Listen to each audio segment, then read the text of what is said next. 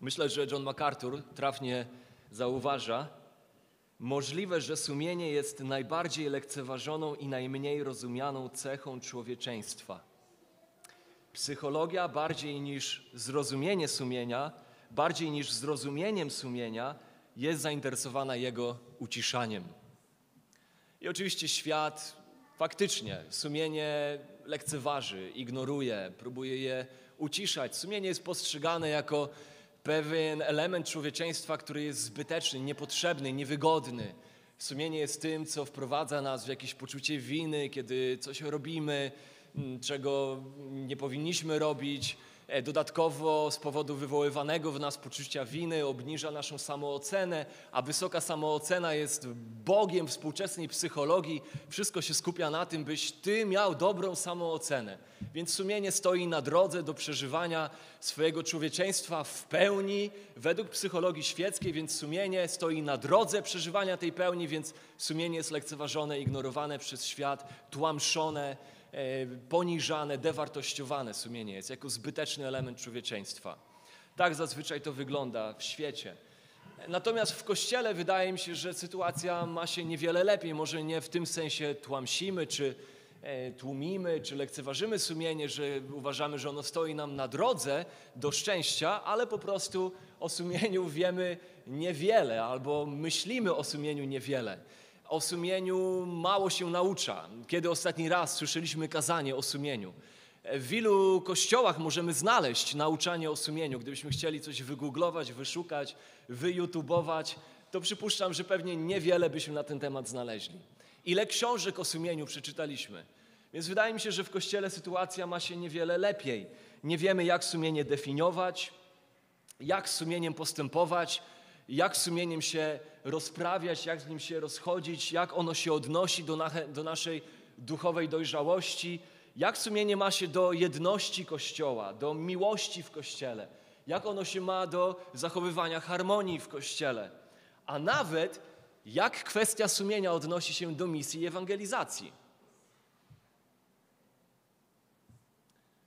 To, co najbardziej obnaża kryzys sumienia, czy ten problem niezrozumienia sumienia w kościele, czy niemyślenia o sumieniu wystarczająco, to te momenty, sytuacje, okresy, w których do kościoła wkracza jakaś kwestia sporna, jakiś temat dyskusyjny, na którym Kościół zaczyna się pochylać i w wyniku bycia dotkniętym jakąś kwestią sporną, Kościół zaczyna siebie wewnątrz atakować, wyniszczać, oskarżać, osądzać Często to prowadzi do różnego rodzaju podziałów.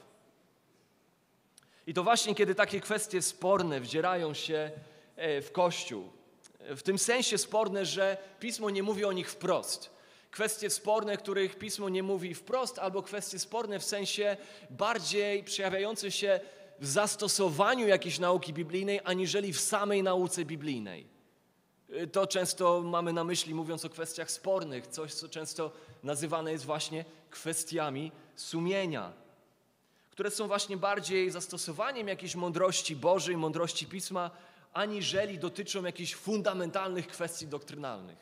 To, to właśnie o takie kwestie chodzi. I na przestrzeni wieków Kościół się właśnie spierał, Kościół się kłócił, e, Kościół atakował siebie, wyniszczał siebie od wewnątrz i dzielił się z powodu nieprawidłowego, czy też nieumiejętności prawidłowego skategoryzowania i, i zmierzenia się właśnie z takimi kwestiami spornymi, kwestiami sumienia. Takimi jak na przykład w historii Kościół dzielił się, jeżeli chodzi o muzykę. Jakiej muzyki powinien słuchać chrześcijanin? Jaka muzyka powinna być obecna na zgromadzeniach Kościoła? Jakie instrumenty powinny być w kościele, a jakie nie. I w tych kwestiach nie jeden kościół w historii zdążył się podzielić. Albo ubiór. Jak chrześcijanie powinni się ubierać? Czy kobieta może nosić spodnie? Jak krótka spódnica jest za krótka? Jak obcisłe spodnie są zbyt obcisłe? Czy mężczyzna może przyjść do kościoła w dżinsach albo w krótkich spodenkach? Kościół nieraz się podzielił o te kwestie. Może taki bardzo skrajny przykład, ale byliśmy w Rumunii i tam się okazało, że wiele kościołów krawat uznaje za coś grzesznego. Krawat, który wskazuje jako strzałka w dół, a w dole przecież znajdują się czeluści piekielne, więc krawat wskazuje ku piekłu. Więc kaznodzieja nie powinien mieć krawata, kiedy głosi słowo. Trochę może śmieszny przykład, ale, ale to są kwestie, w których Kościół się dzielił i wciąż się dzieli. Święta. Czy święta należy obchodzić? Właśnie świętowaliśmy Boże Narodzenie. Na internecie aż wrzało w dyskusjach między chrześcijanami, czy chrześcijanin powinien ubierać choinkę, czy powinien świętować Boże Narodzenie razem z tymi poganami, którzy świętują to pogańskie święto. A jak już obchodzić święta, to jak je obchodzić? Dziś oczywiście jest to COVID, sytuacja koronawirusowa. Maseczki pomagają czy szkodzą? Spotkania kościoła, czy ograniczać, czy nie? Wstrzymać działalność jakąś swoją e, zarobkową, czy pracować, by zaopatrzyć rodzinę? Szczepić, czy nie szczepić? W znacznej mierze to wszystko są kwestie sporne. W piśmie nie znajdujemy odpowiedzi, nie ma księgi, wersetu, rozdziału, który powie nam, co robić w tych kwestiach, jak zastosować Bożą mądrość do tych kwestii. Więc są to w dużej mierze kwestie sporne, kwestie sumienia. Nie są to kwestie fundamentalne. Nie są to kwestie, które stanowią o tym, czy jestem chrześcijaninem, czy nie. Ani czy ktoś inny, kto się różni w opinii na dany temat, jest chrześcijaninem, czy nie. Te kwestie o tym nie stanowią w ogóle. Jako Kościół absolutnie nie możemy pozwolić na to, by to nas dzieliło, te kwestie sporne, by cokolwiek w kwestii koronawirusa nas dzieliło, żeby cokolwiek w kwestiach spornych, jakiekolwiek one by nie były, by one były silniejsze niż to, co nas łączy w kwestiach Chrystusa i Jego Ewangelii. Jest to hańbą dla Chrystusa i hańbą dla Ewangelii, kiedy kwestie, które nie są fundamentalne, zaczynają chrześcijan dzielić które stają się ważniejsze niż kwestie, które dotyczą Chrystusa i Jego zbawienia. I tego, kim On jest w Kościele i co On czyni dla Kościoła i kim Kościół jest w Nim. I moim pragnieniem i modlitwą jest to, by przez kilka następnych tygodni, nie wiem, może dwa, może trzy, pomóc nam myśleć w sposób biblijnym o kwestiach sumienia. Zrozumieć sumienie w sposób biblijny, tak byśmy umieli zachowywać pokój jedność, miłość i harmonię między sobą, szczególnie kiedy w Kościół wkrada się jakiś, jakaś kwestia sporna albo kilka kwestii spornych. I byśmy w ten sposób umieli wydawać świadectwo tej miłości, jedności w Kościele, a także i przed światem, który obserwuje, który z natury nie potrafi tej jedności i miłości znaleźć, kiedy jakakolwiek kwestia sporna się pojawia ale nie tak w Kościele powinno być. Więc jak mamy myśleć o tych kwestiach? Jak myśleć o sumieniu? Jak, jak te rzeczy skategoryzować? Jak się do nich odnieść? Jak je ugryźć? I nie odpowiem na pytania, od razu zaznaczam, nie odpowiem na pytania dotyczące koronawirusa. Nie będę odpowiadał na pytania dotyczące COVID-a. Nie, nie będę odpowiadał na pytanie, czy maseczkę nosić, czy nie, czy szczepić się, czy nie, czy spotykać się, czy nie. Na te pytania odpowiedzi nie padną, ale jestem przekonany, że Słowo Boże, to co mówi o kwestiach sumienia i to co mówi o relacjach chrześcijan w odniesieniu do kwestii spornych, takich jak tych związanych z muzyką, z ubiorem, ze świętami, a także i z większością rzeczy dotyczących sytuacji koronawirusowej, że to Słowo Boże, to co ono mówi w tych kwestiach, pomoże nam dostrzec, że w większości kwestii koronawirusowych to nie odpowiedź na konkretne pytania jest najistotniejsza, ale to, jak powinniśmy myśleć, jak powinniśmy postępować i jak się odnajdować w społeczności Kościoła, kiedy w tych odpowiedziach na te konkretne pytania nie będziemy się zgadzać. To jest o wiele ważniejsze niż uzyskanie odpowiedzi na konkretne pytanie dotyczące COVID-a. Więc jeszcze raz, o wiele ważniejsze jest to, jak odnosić się do siebie, jak się odnaleźć, jak postępować w społeczności Kościoła, kiedy dojdziemy do innych wniosków w kwestiach koronawirusowych. I na tym się skupimy. Więc sumienie, COVID-19 i niezgoda w Kościele.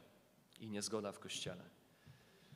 E, zanim oczywiście przejdziemy do kwestii e, jakby już typowo związanych z kwestiami spornymi, jak je ugryźć, jak się do nich odnieść, jak się w nich odnaleźć, to e, musimy najpierw zatrzymać się na kwestiach sumienia bardziej ogólnie. E, na kwestii sumienia tak w ogóle. Mm, chociażby na definicji sumienia, żeby je zdefiniować. Postaramy się znaleźć w Biblii odpowiedzi na pytania takie jak czym sumienie w ogóle jest? Czy Twoje sumienie zawsze ma rację? Czy kiedykolwiek powinieneś postępować wbrew swojemu sumieniu? Czy kiedykolwiek powinieneś doinformowywać swoje sumienie albo przeinformowywać swoje sumienie? Czy kiedykolwiek należy zmienić coś w swoim sumieniu? Jak można zachować czyste sumienie, dobre sumienie? Jak odnosić się do innych wierzących, gdy w kwestiach sumienia różnimy się? Jak dzieło Jezusa na krzyżu powinno wpływać na moje sumienie? Zastanówmy się nad tymi pytaniami. Czy potrafilibyśmy na nie odpowiedzieć w jednoznaczny biblijny sposób? Bo brak biblijnych odpowiedzi na te pytania, między innymi na te pytania, jak i na wiele innych związanych z sumieniem, będzie prowadził do takich rzeczy, jak na przykład to, że zaczniemy żyć pod stałym ciężarem winy. Jeżeli nie umiemy tych rzeczy dobrze umieścić w tym, czego uczy Boże Słowo. Albo że będziesz grzeszył przeciwko Bogu, ignorując lub lekceważąc swoje sumienie. Albo będzie prowadzić do takich rzeczy, że nie będziesz odpowiednio wzrastał we właściwy biblijny sposób, stale kształtując, doinformowując swoje sumienie, bo nie wiesz, jak to robić w sposób bezpieczny, nie chcąc łamać swojego sumienia. Może prowadzić do tego, że będziesz dzielił się niewłaściwie lub niewłaściwą Ewangelią z niezbawionymi.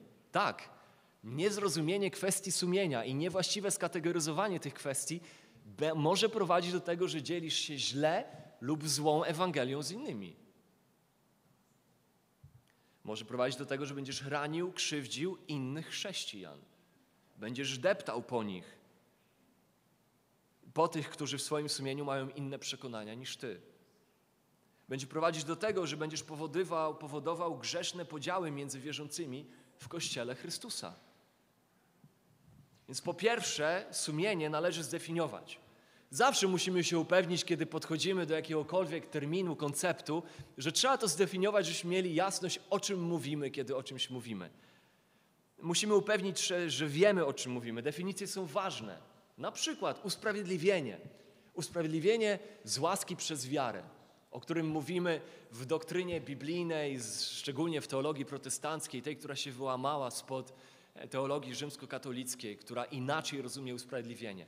Pytanie, jak rozumieć usprawiedliwienie z łaski przez wiarę? Czy Bóg nas czyni sprawiedliwymi z łaski przez wiarę, czy Bóg nas ogłasza sprawiedliwymi przez łaskę, z łaski przez wiarę? Bardzo istotna różnica. Czy nas czyni sprawiedliwymi, czy ogłasza? Bardzo często pochopnie mówimy, że nas czyni, a jednak poprawnie biblijnie Bóg nas ogłasza, deklaruje, że jesteśmy sprawiedliwi w Chrystusie. Dwie odrębne rzeczy które mają bardzo duży wpływ na praktyczne rozgrywanie się naszego chrześcijańskiego życia. Dzisiaj jednak nie o usprawiedliwieniu. Dzisiaj o sumieniu. O tym, że trzeba definiować rzeczy. I to nie jest jakaś gra, zabawa semantyczna, e, to nie jest jakaś gierka teologiczna, nie jest to debata teoretyczna dla teoretyków, ale mamy tutaj do czynienia z terminami, które są bardzo istotne w praktycznym życiu chrześcijańskim. Więc w Nowym Testamencie słowo sumienie pojawia się 30 razy. Syneidesis, greckie słowo, które oznacza sumienie. Ono pojawia się w Nowym Testamencie 30 razy, chociaż koncept sumienia pojawia się o wiele częściej, o wiele, wiele częściej. My skupimy się tylko na tych fragmentach, które poruszają, czy jakby używają odniesienia sumienie, słowa sumienie syneidesis bezpośrednio używają tego słowa. Skupimy się na fragmentach, gdzie występuje to słowo. Ono występuje dwa razy.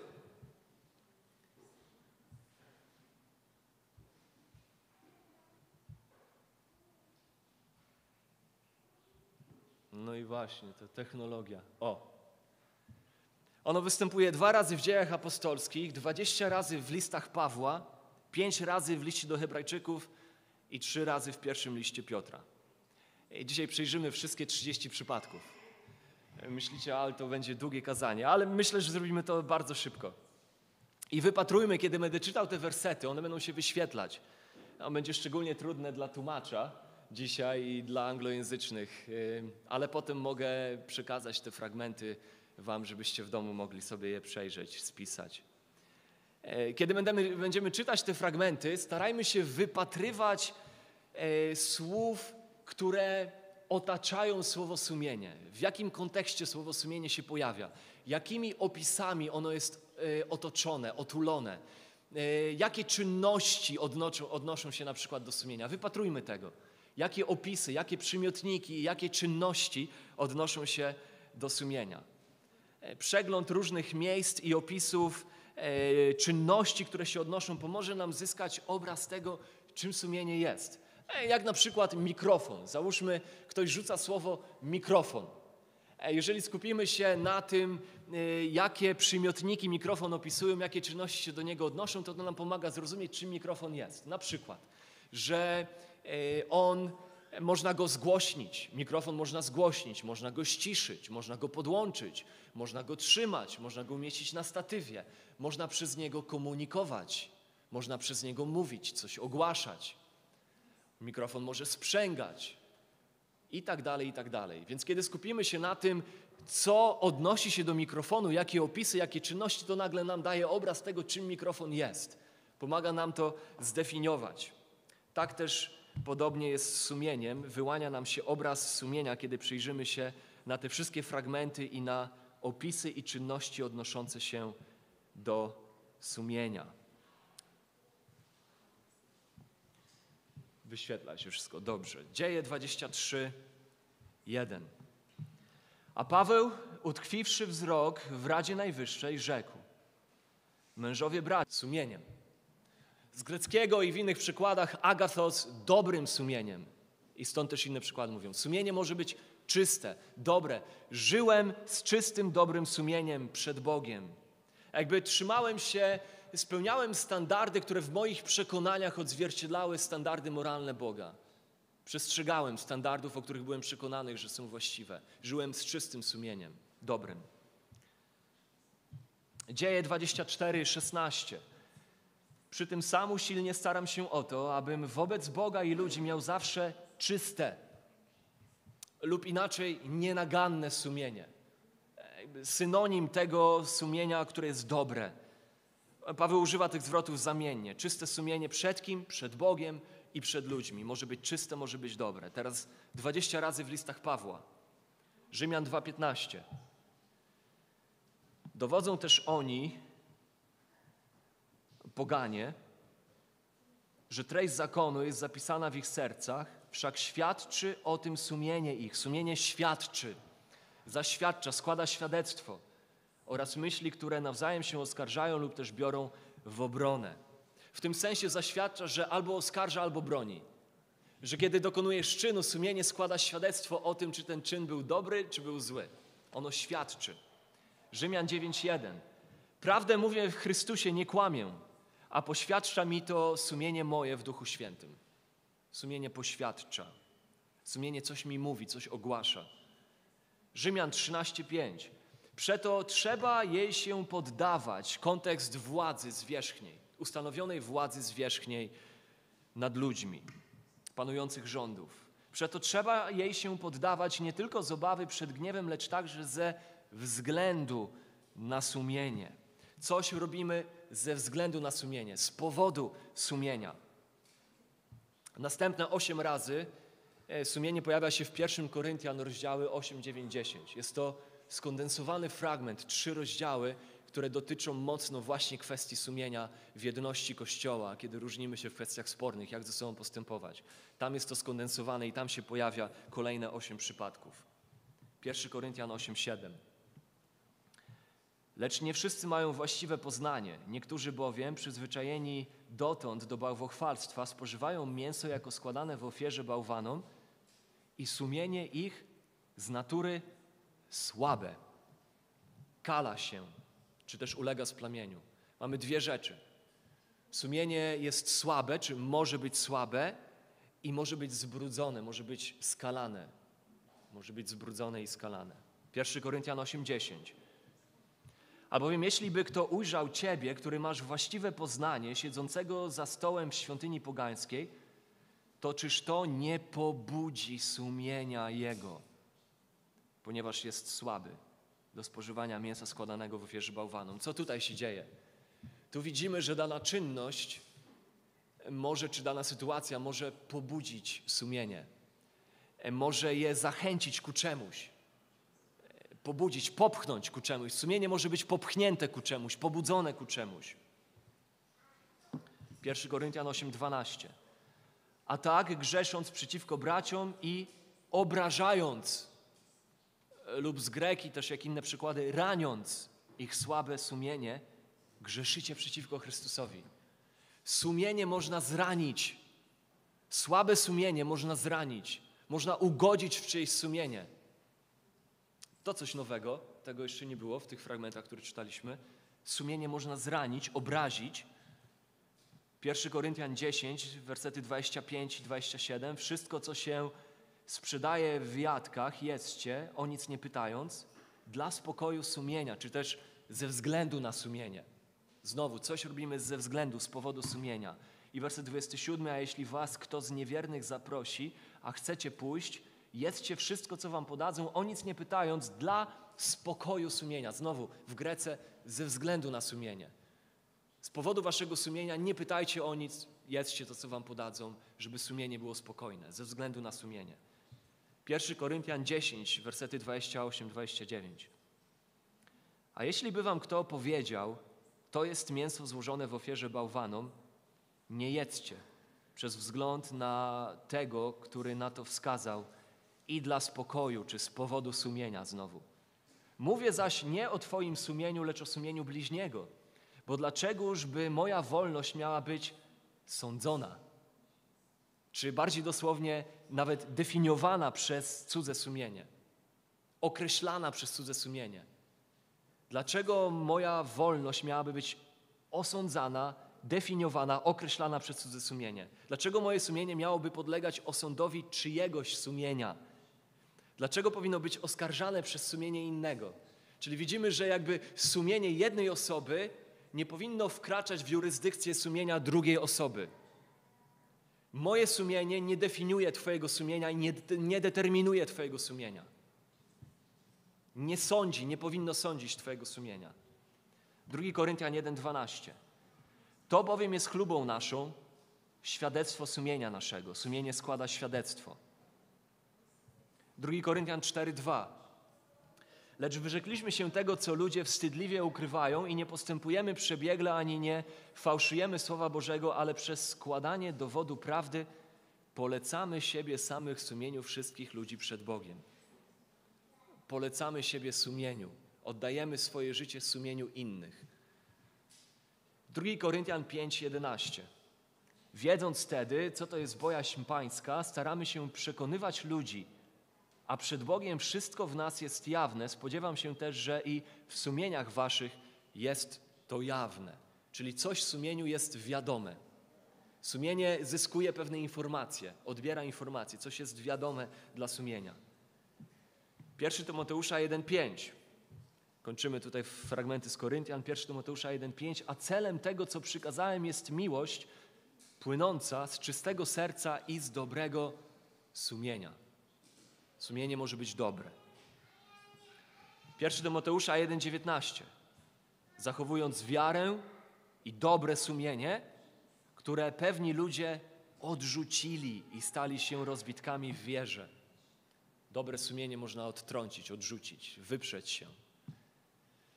1 Tymoteusza 3,9. Zachowując tajemnicę wiary wraz z czystym sumieniem. Mamy czyste sumienie. 1 Tymoteusza 4,2 E, uwiedzeni obłudą kłamców, naznaczonych w sumieniu piętnem występku. Czy też inny przykład z piętnem wypalonym w sumieniu. Sumienie naznaczone piętnem, mające wypalone piętno.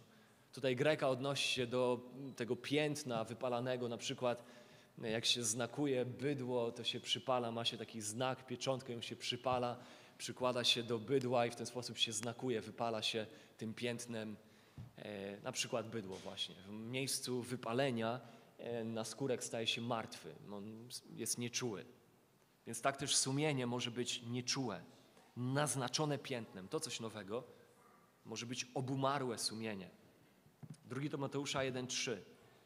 Dziękuję Bogu, któremu z czystym sumieniem służę, tak jak przodkowie moi, gdy nieustannie Ciebie wspominam w modlitwach moich we dnie i w nocy. Czyste sumienie. Tytusa 1,15. Dla czystych wszystko jest czyste, dla pokalanych i niewierzących nic nie jest czyste, ale skalane, pokalane są zarówno ich umysł, jak i sumienie. Znowu sumienie może być zbrudzone, skalane. Czy dla sumienia coś może być skalane? Sumienie ocenia w tym sensie. I tu mamy Hebrajczyków 9:9. Ma to znaczenie obrazowe, odnoszące się do teraźniejszego czasu, kiedy to składane bywają dary i ofiary, odniesienie do Starego Przymierza, które nie mogą doprowadzić do wewnętrznej doskonałości tego, kto pełni służbę Bożą. Ofiary Starego Przymierza nie były w stanie udoskonalać, oczyszczać, nie mogące udoskonalić w sumieniu tego, który spełnia służbę Bożą. W sumieniu można być udoskonalonym. Można być prowadzonym do pewnej dojrzałości, pełni, doskonałości w sumieniu.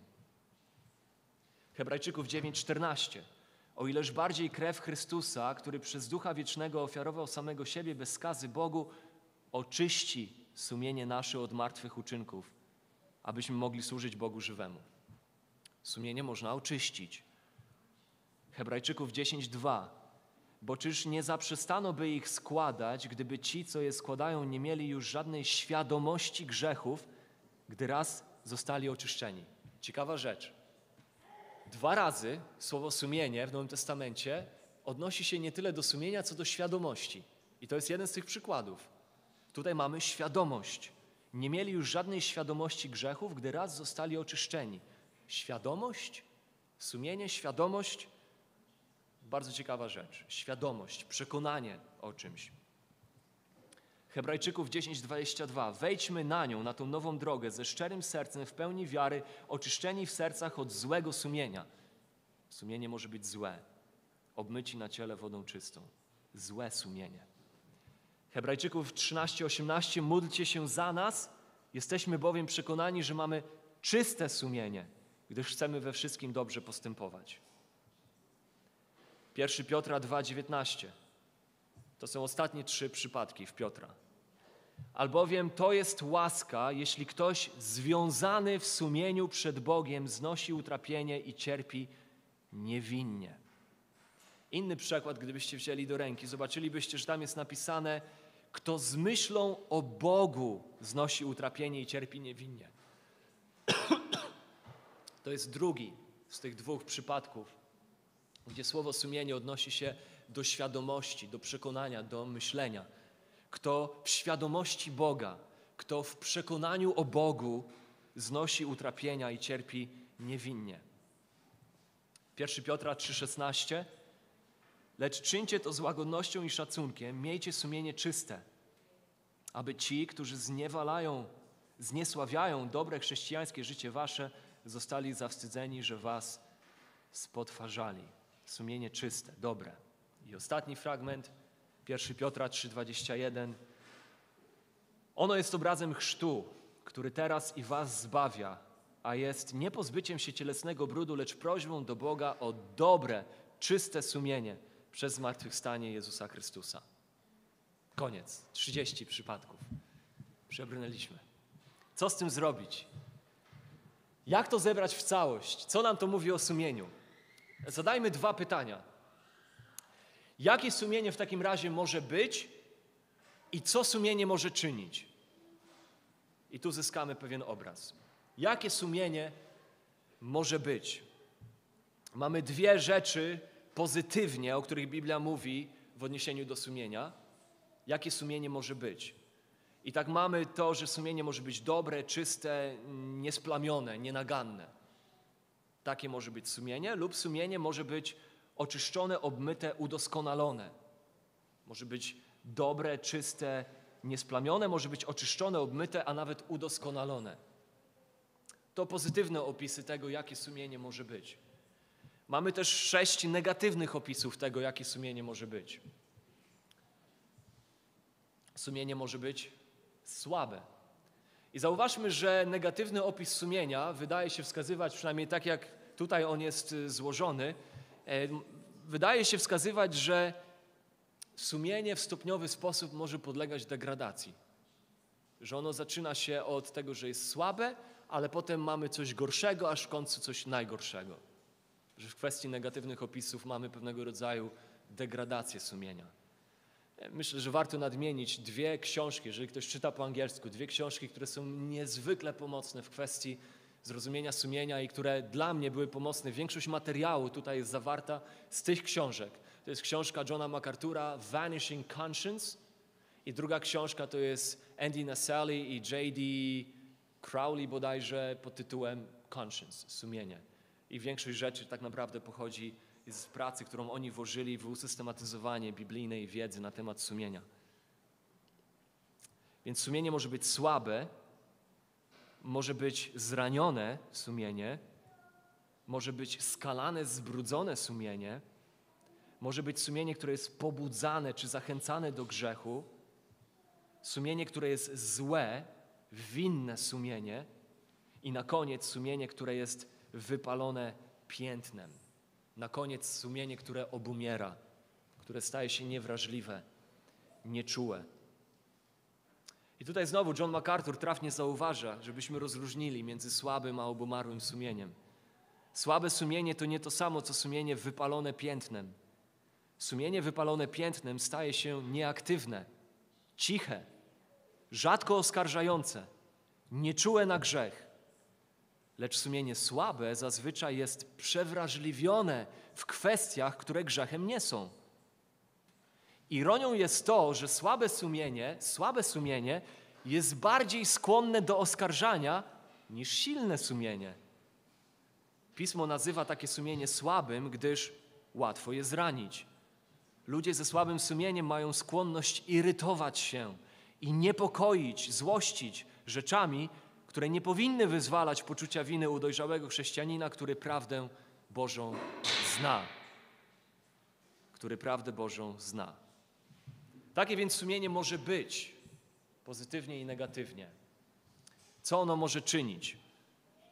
Nowy Testament wymienia trzy rzeczy, które sumienie czyni z tego, co przeczytaliśmy. Sumienie może składać świadectwo, może świadczyć, potwierdzać. Ono coś nam mówi o naszych czynach. Sumienie może prowadzić do postępowania w określony sposób. Ono prowadzi do, do postępowania w określony sposób. Na przykład, ono prowadzi kogoś do posłuszeństwa władzy. To sumienie może prowadzić do poddania się władzy zwierzchniej. To sumienie w Koryntian, czytamy, może prowadzić do niepytania o pochodzenie mięsa, które spożywam to sumienie może prowadzić do niespożywania mięsa, o którym się dowiedziałem, że pochodzi z ofiar dla demonów, dla fałszywych bogów. Więc sumienie prowadzi do jakiegoś zachowania, składa świadectwo, prowadzi. Sumienie także może osądzać lub określać wolność drugiej osoby. Osądza i określa wolność drugiej osoby to, jak odnosimy się do sumienia, jak postępujemy sumieniem, może wpływać na to, jak traktujemy innych kwestii ich sumienia. Ono osądza, ono próbuje określać ramy, granice dla innych osób. Takie może być i tak to może czynić. Jak więc je zdefiniować? Jak zdefiniować sumienie? Definicja standardowa ze słownika, najpopularniejszego słownika chyba biblijnego, jednego z popularniejszych, Sumienie jest więc wewnętrzną zdolnością rozróżniania tego, co właściwe i co niewłaściwe. To jest dobra definicja.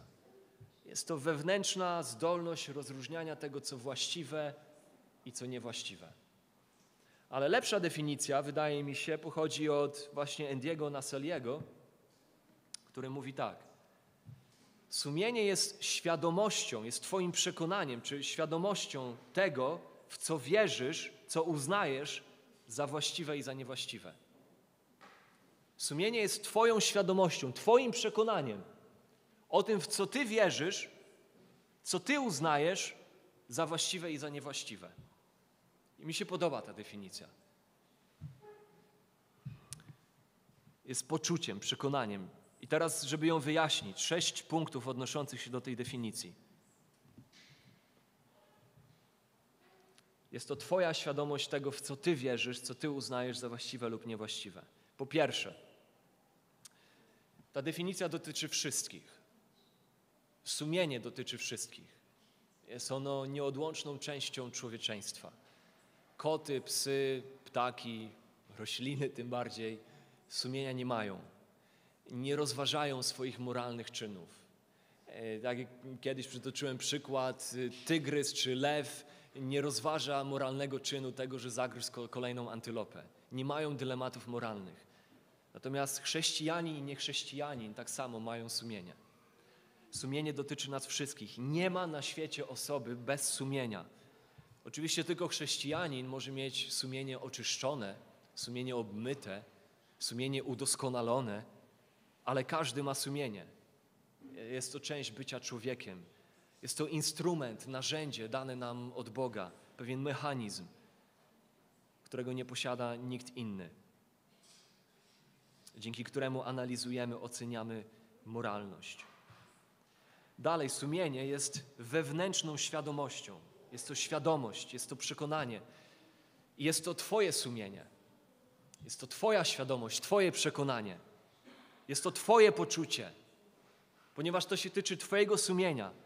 I to jest bardzo ważne. Sumienie, musimy pamiętać, sumienie samo w sobie nie jest prawem Bożym. Sumienie nie stanowi o obiektywnych prawach Bożych. Jest to Twoje wewnętrzne przekonanie. Jest to coś wewnętrznego, co jest Twoje, co nie przenosi się na inne osoby, co nie jest prawdą obiektywną i absolutną. Jest to Twoje sumienie. Nie jest zbiorem doktryn i wiary i prawd. Twoje sumienie nie jest zbiorem prawd i doktryn. On jest tylko przekonaniem Twoim o tym, co Ty uznałeś za słuszne.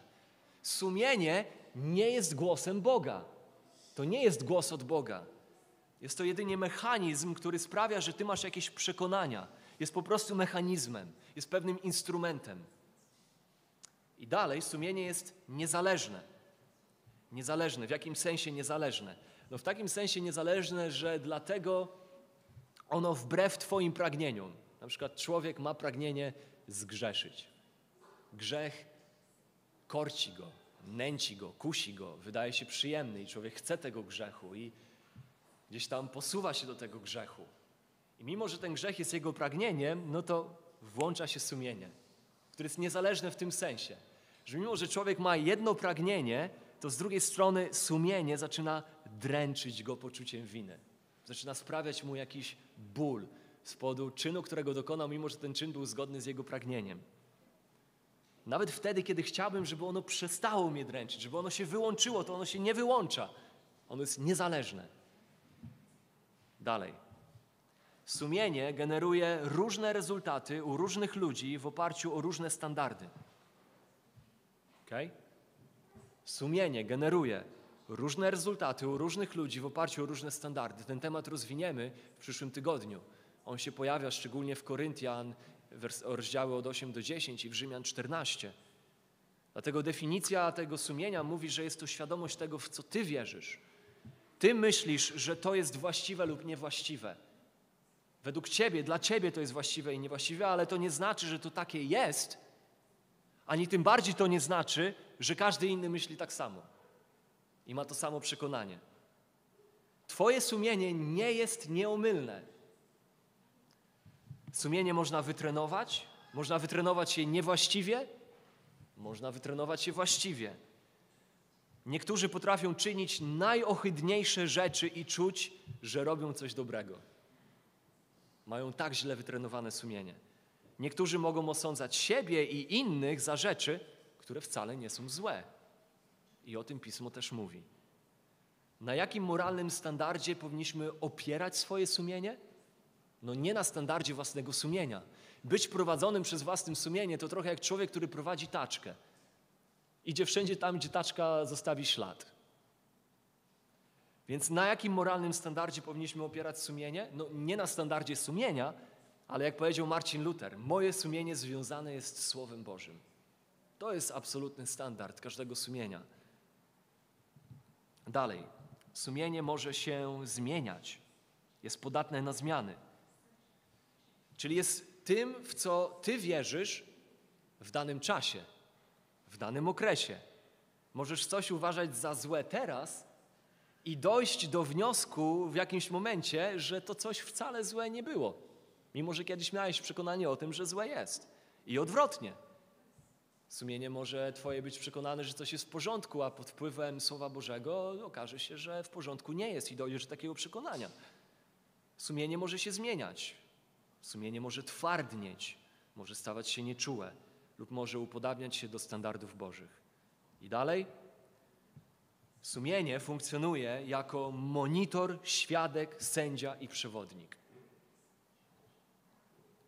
Funkcjonuje jako monitor, ponieważ ono monitoruje moje zachowanie. Cokolwiek robię, moje sumienie niezależnie to monitoruje. Nie da się go wyłączyć. Ono to monitoruje, monitoruje moje czyny.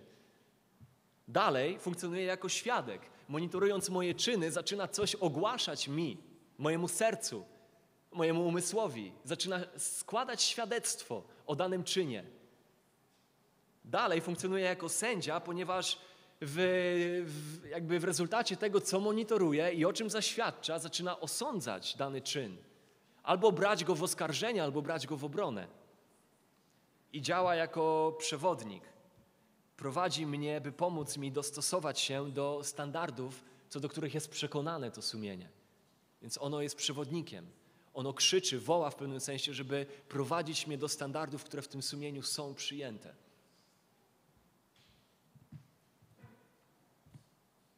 Tak można rozpisać funkcjonowanie sumienia jako monitor, świadek, sędzia i przewodnik. Kiedy mówimy o tym, że sumienie działa jak monitor, świadek czy sędzia, to mamy na myśli, że ono wtedy patrzy wstecz. Ono patrzy na czyny, których dokonaliśmy.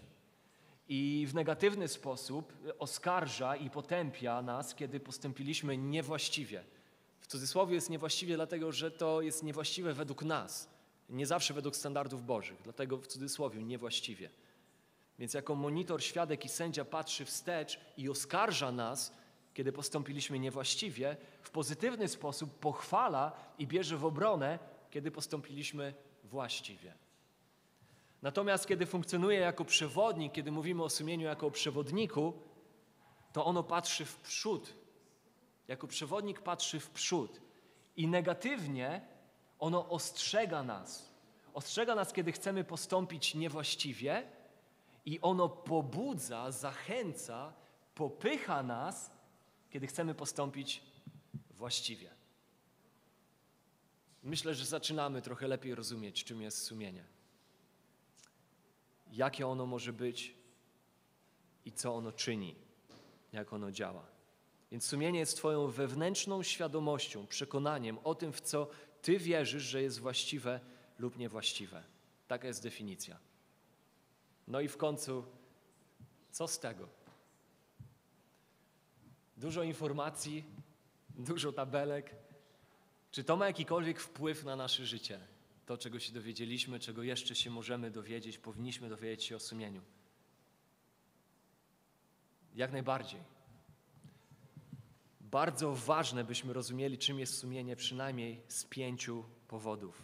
I tutaj bez głębokiego wnikania niektóre z tych powodów rozwiniemy w przyszłych tygodniach. Nie będziemy się skupiać na nauce o sumieniu w ogóle, ponieważ byśmy musieli pewnie kilka miesięcy na tym spędzić, ale dotkniemy sumienia szczególnie w kontekście kwestii spornych i niezgody w Kościele, miłości, jedności, harmonii w Kościele. Ale dzisiaj pięć powodów, bardzo ogólnie pięć powodów, dlaczego to wszystko, co do tej pory się dowiedzieliśmy o sumieniu, jest ważne. Dlaczego to jest istotne, bez głębokiego wnikania. Zrozumienie sumienia pomaga nam pielęgnować dobre sumienie. Zrozumienie sumienia pomaga nam pielęgnować dobre sumienie. Lepsze zrozumienie sumienia zachęca nas do zachowywania dobrego sumienia. Kiedy rozumiemy, że sumienie może być czyste, dobre lub może być złe, a nawet wypalone piętnem, obumarłe, niewrażliwe, nieczułe na grzech. I to prowadzi nas do tego, że powinna nas przerażać myśl lekceważenia swojego sumienia, głosu swojego sumienia. Powinna przerażać nas myśl o postępowaniu wbrew sumieniu. Nie powinniśmy chcieć mieć sumienia słabego, a tym bardziej sumienia złego, a już na pewno sumienia obumarłego, zbrudzonego, wypalonego piętnem. Nie chcesz iść tą drogą. Nie chcesz iść drogą prowadzenia swojego sumienia do nieczułości, do niesygnalizowania, do niemonitorowania, nieskładania świadectwa i nie do osądzania Twoich czynów. Co więc robisz, kiedy Twoje sumienie mówi Tobie, byś czegoś nie robił lub żebyś coś zrobił? Jak postąpisz? Jakiś młody człowiek może być w relacji z dziewczyną i myśli o zbliżeniu z nią. Nie są jeszcze małżeństwem, ale hormony szaleją, siebie kochają, są przekonani, że i tak związek małżeński wejdą, więc chcieliby się zbliżyć, ale sumienie krzyczy, prowadzi ich, ostrzega ich, że nie powinni tego robić, że przed Bogiem to jest złe. Co więcej, że to prowadzi też drugą osobę do pewnych problemów, że powinienem drugą osobę traktować jako siostrę i brata w Chrystusie, jeżeli nie jest moją żoną, moim mężem. Także jeżeli kiedyś ta osoba wyjdzie za mąż, ożeni się z kimś innym niż ja, to lepiej, żebym ja nie spowodował, nie spowodował, nie był winien tego, że ta osoba kiedyś będzie musiała się czegoś wstydzić, coś chować, że będzie miała jakiś bagaż. Więc co robisz? Twoje sumienie mówi pewną rzecz. Co robisz? Ignorujesz? Racjonalizujesz? Tłumaczysz sobie? Dusisz? Szukasz wymówek? Czy pielęgnujesz dobre sumienie i słuchasz swojego sumienia? Albo może oszukujesz w szkole, albo jesteś przed pokusą oszukania, ściągania, stworzenia jakiegoś plagiatu, może w pracy, jakieś oszustwo, jakaś kradzież, jakieś kombinatorstwo, a może w kościele stoisz przed pokusą oszukania, ukrywania, zwodzenia. Co robisz, kiedy Twoje sumienie zaczyna powodować poczucie winy i ostrzega Ciebie, monitorując, sygnalizuje, składa Tobie świadectwo i jako przewodnik mówi Tobie: nie idź w tę stronę. Czy zignorujesz je? Czy znajdziesz wymówki? Czy wytłumaczysz sobie, porównując się do innych? relatywizując, racjonalizując sobie czyn, do którego chcesz się posunąć, może zaczniesz zwalać winę na kogoś innego, czy raczej będziesz pielęgnował swoje sumienie?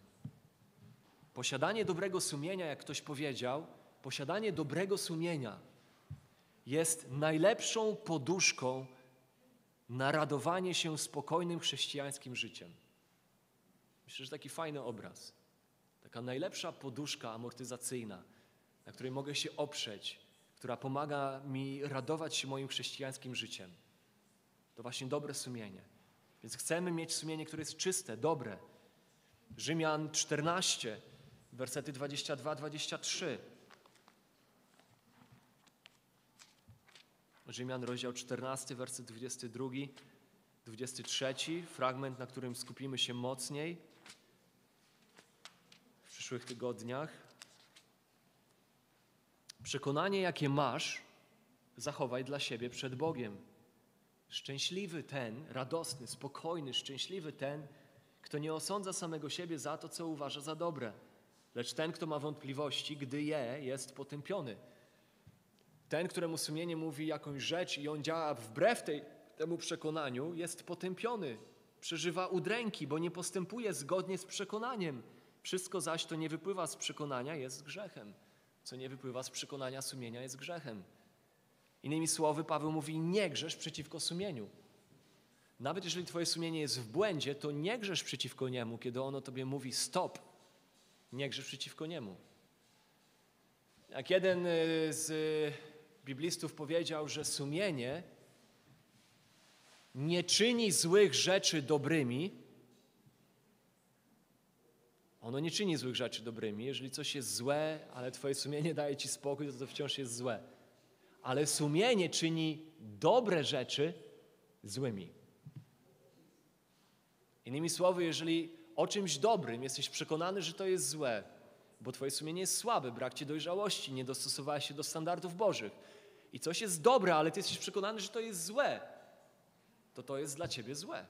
I o tym mówi Paweł w tym fragmencie. Nie postępuj wbrew przekonaniu twojego sumienia, bo będziesz doświadczał przekleństwa wewnętrznego, a nie szczęścia. Natomiast szczęśliwy ten, kto słucha głosu sumienia. Dalej.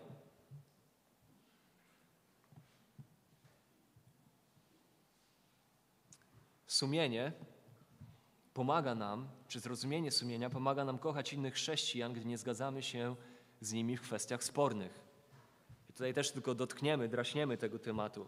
Sumienie jest bezpośrednio związane z tym, co chrześcijanin powinien myśleć w sprawach spornych, kwestiach wątpliwych, kwestiach tak zwanej wolności chrześcijańskiej. To nie jest tak, że te sprawy są sprawami nieważnymi. One są ważne. Ale członkowie jednego kościoła powinni być w stanie nie zgadzać się ze sobą w tych kwestiach i wciąż mieć pełnię miłości, harmonii, jedności i pokoju w społeczności ze sobą. Różnice zdań w tych kwestiach spornych nie powinny powodować zaburzenia jedności w rodzinie Kościoła. Na przykład sabat. Czy można pracować w sabat, w dzień pański? W ogóle można sabatem nazwać? Czy można pracować za pieniądze? Czy można pracować w ogrodzie? Czy można iść do kina? Czy chrześcijanin może oglądać film? Czy może uprawiać sport, zwłaszcza w niedzielę? Powinniśmy oczekiwać różnicy zdań w tych i wielu, wielu, wielu kwestiach pośród Kościoła. Powinniśmy oczekiwać, że będziemy różnić się w tych kwestiach. I uwaga, nie zawsze naszym głównym dążeniem powinno być wyeliminowanie tych różnic.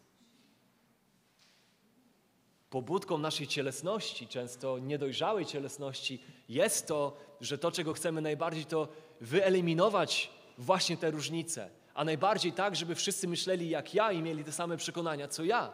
To jest pobudka naszej cielesnej niedojrzałości, żeby wyeliminować wszelkie różnice w kwestiach spornych. Jednak kiedy czytamy uważnie 1 Koryntian, rozdziały od 8 do 10 i Rzymian 14, to widzimy, że kluczową nadrzędną pobudką nie powinno być wyeliminowanie tych różnic w kwestiach spornych i spojrzymy na to w przyszłych tygodniach, ale zawsze, zawsze nadrzędnym celem powinno być uwielbienie Boga poprzez miłość do innych pomimo tych różnic i pośród tych różnic. To musi być nadrzędny cel Kościoła. Wyrażać miłość, wielbiąc Boga pośród różnic, które mają miejsce pośród nas. I jeden ze sposobów, w jaki kochamy innych chrześcijan, kochamy ich służąc im, obdarowując ich, pomagając im, głosząc im Słowo Boże, ale jednym ze sposobów, w jaki kochamy innych chrześcijan, uczy nas Koryntian i Rzymian, jest bycie łaskawym, wrażliwym wobec nich, kiedy mamy inne opinie od nich na jakiś temat. Dalej, Zrozumienie sumienia pomaga nam kalibrować nasze przekonania odnośnie kwestii spornych, tak by bardziej odzwierciedlały słowo. Pomaga nam kalibrować. Zrozumienie sumienia pomaga nam je kalibrować, dostosowywać, kształtować. Przesłaniem Rzymian 14 nie jest kalibrowanie naszego sumienia. W Rzymian 14 Paweł nie wzywa do tego, żebyśmy przekonywali innych do swoich racji.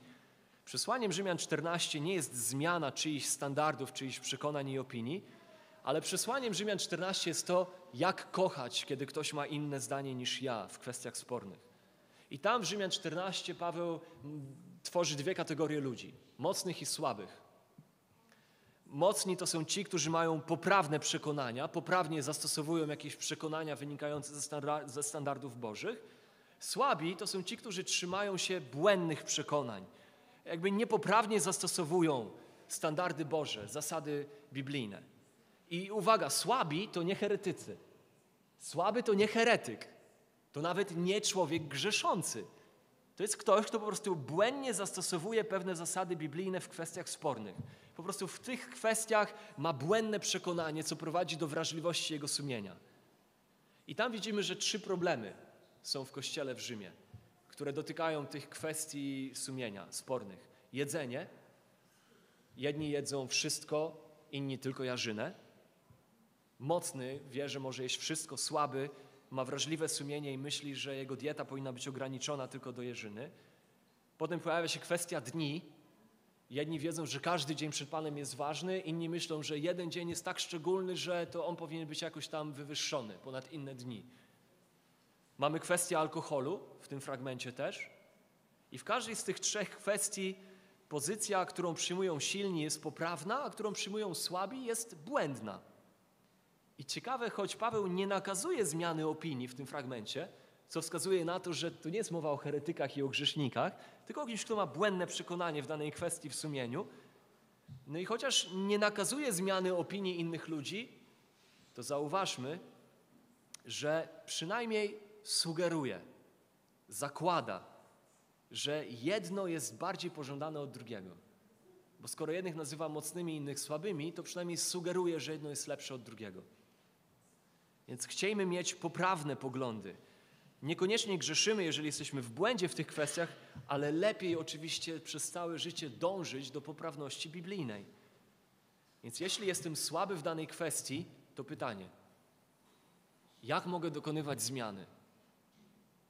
Jak mogę przejść z bycia słabym na bycie silnym w danej kwestii? Czy czymś złym jest zmieniać swoje sumienie? Czy czymś złym jest je przeinformowywać?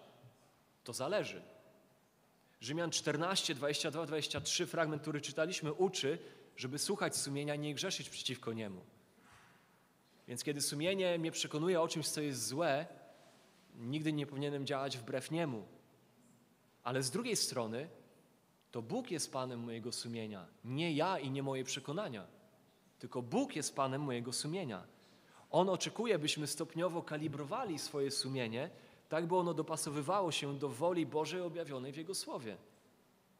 Tak więc sumienie należy szkolić, edukować. I to nie to samo, co grzeszyć przeciwko niemu. Życie zgodne z sumieniem przynosi błogosławieństwo, jak najbardziej. Ale życie zgodne z prawdą Bożą przynosi jeszcze większe błogosławieństwo, jeszcze większe szczęście. Więc pytanie: jaka jest różnica pomiędzy szkoleniem sumienia a grzeszeniem przeciwko niemu?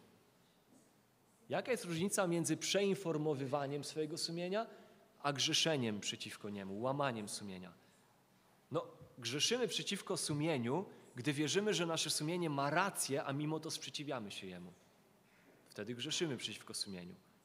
Natomiast szkolimy, kształtujemy, kalibrujemy sumienie, kiedy Chrystus przez swoje słowo przekonuje nas, że byliśmy w błędzie w danej kwestii i z tego powodu zaczynamy sprzeciwiać się swojemu sumieniu.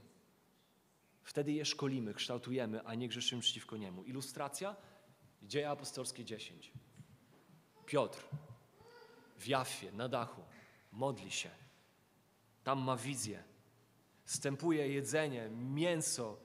Bóg woła, zabij i jedz, Piotrze. Jego sumienie się sprzeciwia temu.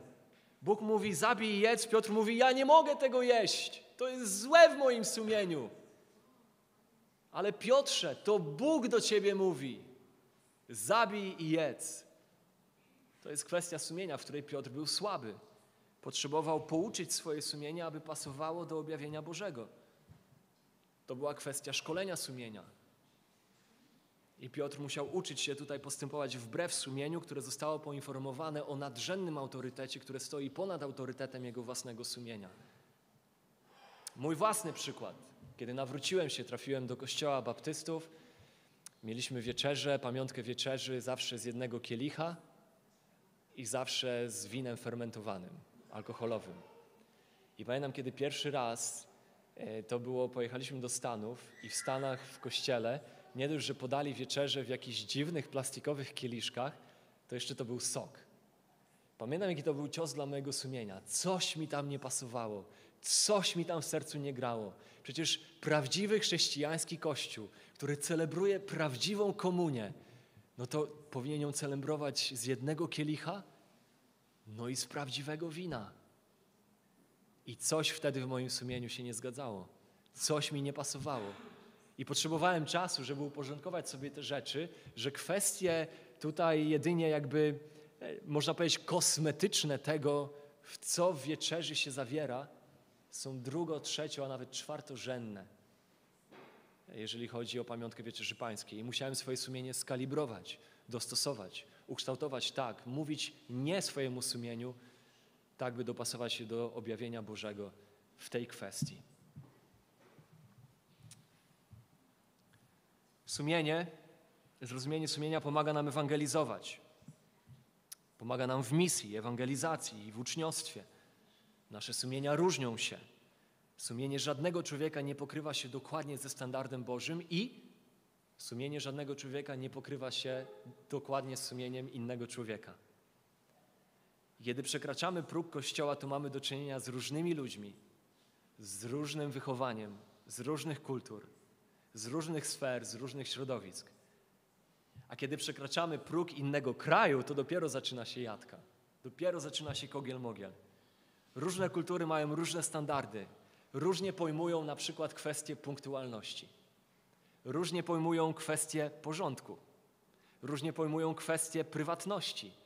Różnie pojmują kwestie stosownego ubioru i tak Jeżeli nie jesteśmy ostrożni w kwestiach sumienia, nie rozumiejąc tego, czym sumienie jest, łatwo możemy zacząć prowadzić ludzi nie do Chrystusa, ale do swoich przekonań. Do przekonań, które są drugorzędne, trzeciorzędne, które nie są Ewangelią, a często w konsekwencji możemy prowadzić ludzi do legalizmu, a nie do wolności, która jest w Ewangelii zbawienia Chrystusowego. Możemy ludzi prowadzić w ewangelizacji, w uczniostwie do legalizmu, by oni mieli dokładnie te przekonania, które ja mam w swoim sumieniu. Więc ważne jest rozumieć sumienie, bo to pomaga nam prowadzić innych do Chrystusa. I na koniec, ostatni punkt. Sumienie, zrozumienie sumienia pomaga nam cenić oczyszczające sumienie zbawcze dzieło Chrystusa na krzyżu. Kiedy rozumiesz, jak święty jest Bóg, kiedy rozumiesz doskonałość Jego moralnych standardów, że w Nim nie ma ani chwilowego zaćmienia, Bóg jest światłością. Kiedy rozumiesz, jak święty jest Bóg i rozumiesz, jak grzeszny jesteś Ty, to Twoje sumienie będzie słusznie Ciebie potępiać za Twój grzech przeciwko Bogu. Dobrze, jeżeli sumienie Ciebie potępia za Twój grzech przeciwko Bogu. Sumienie powinno potępiać mnie, kiedy grzeszę. Nasze sumienia słusznie monitorują nasz grzech, słusznie świadczą przeciwko nam, słusznie osądzają nas. I kiedy to się dzieje, a dzieje się to u każdego z nas, to istnieją trzy opcje. Kiedy sumienie monitoruje, poświadcza i osądza nasze czyny. Trzy opcje istnieją. Mogę zatwardzać sumienie i piętnować je, stale się jemu sprzeciwiając, i to prowadzi do tego, że ktoś staje się psychopatą. Kto jest nałogowym kłamcą, nałogowym złodziejem, nic już go nie rusza, już sam się gubi w tym, co jest prawdą, a fałszem, ciągle nosi maski, ciągle oszukuje, który stał się niewidomy, nieczuły na wszelkie standardy moralne.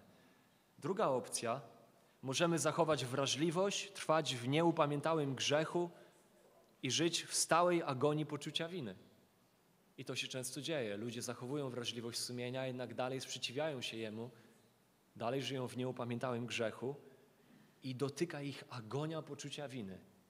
I większość tego, co psychologia nazywa chorobami psychicznymi, wynika tak naprawdę z kwestii poczucia winy, grzechu, który jest w nieprawidłowy sposób rozwiązany w skrusze i upamiętaniu przed Bogiem. I to z kolei prowadzi do różnego rodzaju dolegliwości psychosomatycznych, do ciągłego niepokoju, do ciągłego stresu. Albo po trzecie, możesz chwycić się Chrystusa. Kiedy w świadomości tego, jak święty jest Bóg i jak grzeszny jesteś Ty, przekonany w swoim sumieniu o swoim grzechu, osądzony, możesz chwycić się Chrystusa. Możesz być posłusznym Bogu, możesz wyznawać grzechy, cieszyć się życiem pokoju, który przewyższa wszelkie korzyści pozyskane grzesznie, które obiecują spełnienie, ale naruszają sumienie.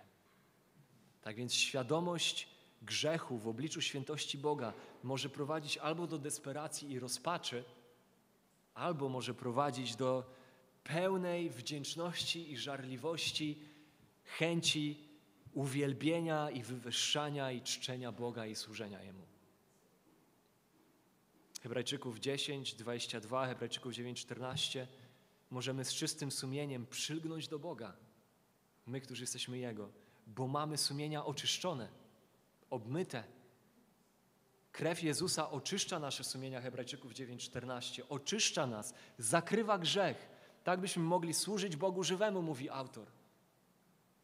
W Starym Przymierzu ofiary nie były w stanie udoskonalić, oczyszczyć sumienia tych, którzy je składali, ale teraz krew Chrystusa czyni to. Przychodzimy przed tron Boży oczyszczeni krwią Chrystusa i dzięki temu, że sumienie nas oskarża, to w reakcji na oskarżenie i na poczucie winy, którego doświadczamy, czy w kontraście do tego, możemy potem przeżyć piękno uwolnienia, które płynie z uchwycenia się ofiary Chrystusowej. To jest błogosławieństwo oskarżonego sumienia, które następnie jest oczyszczone przez wystarczalność krzyża Chrystusowego.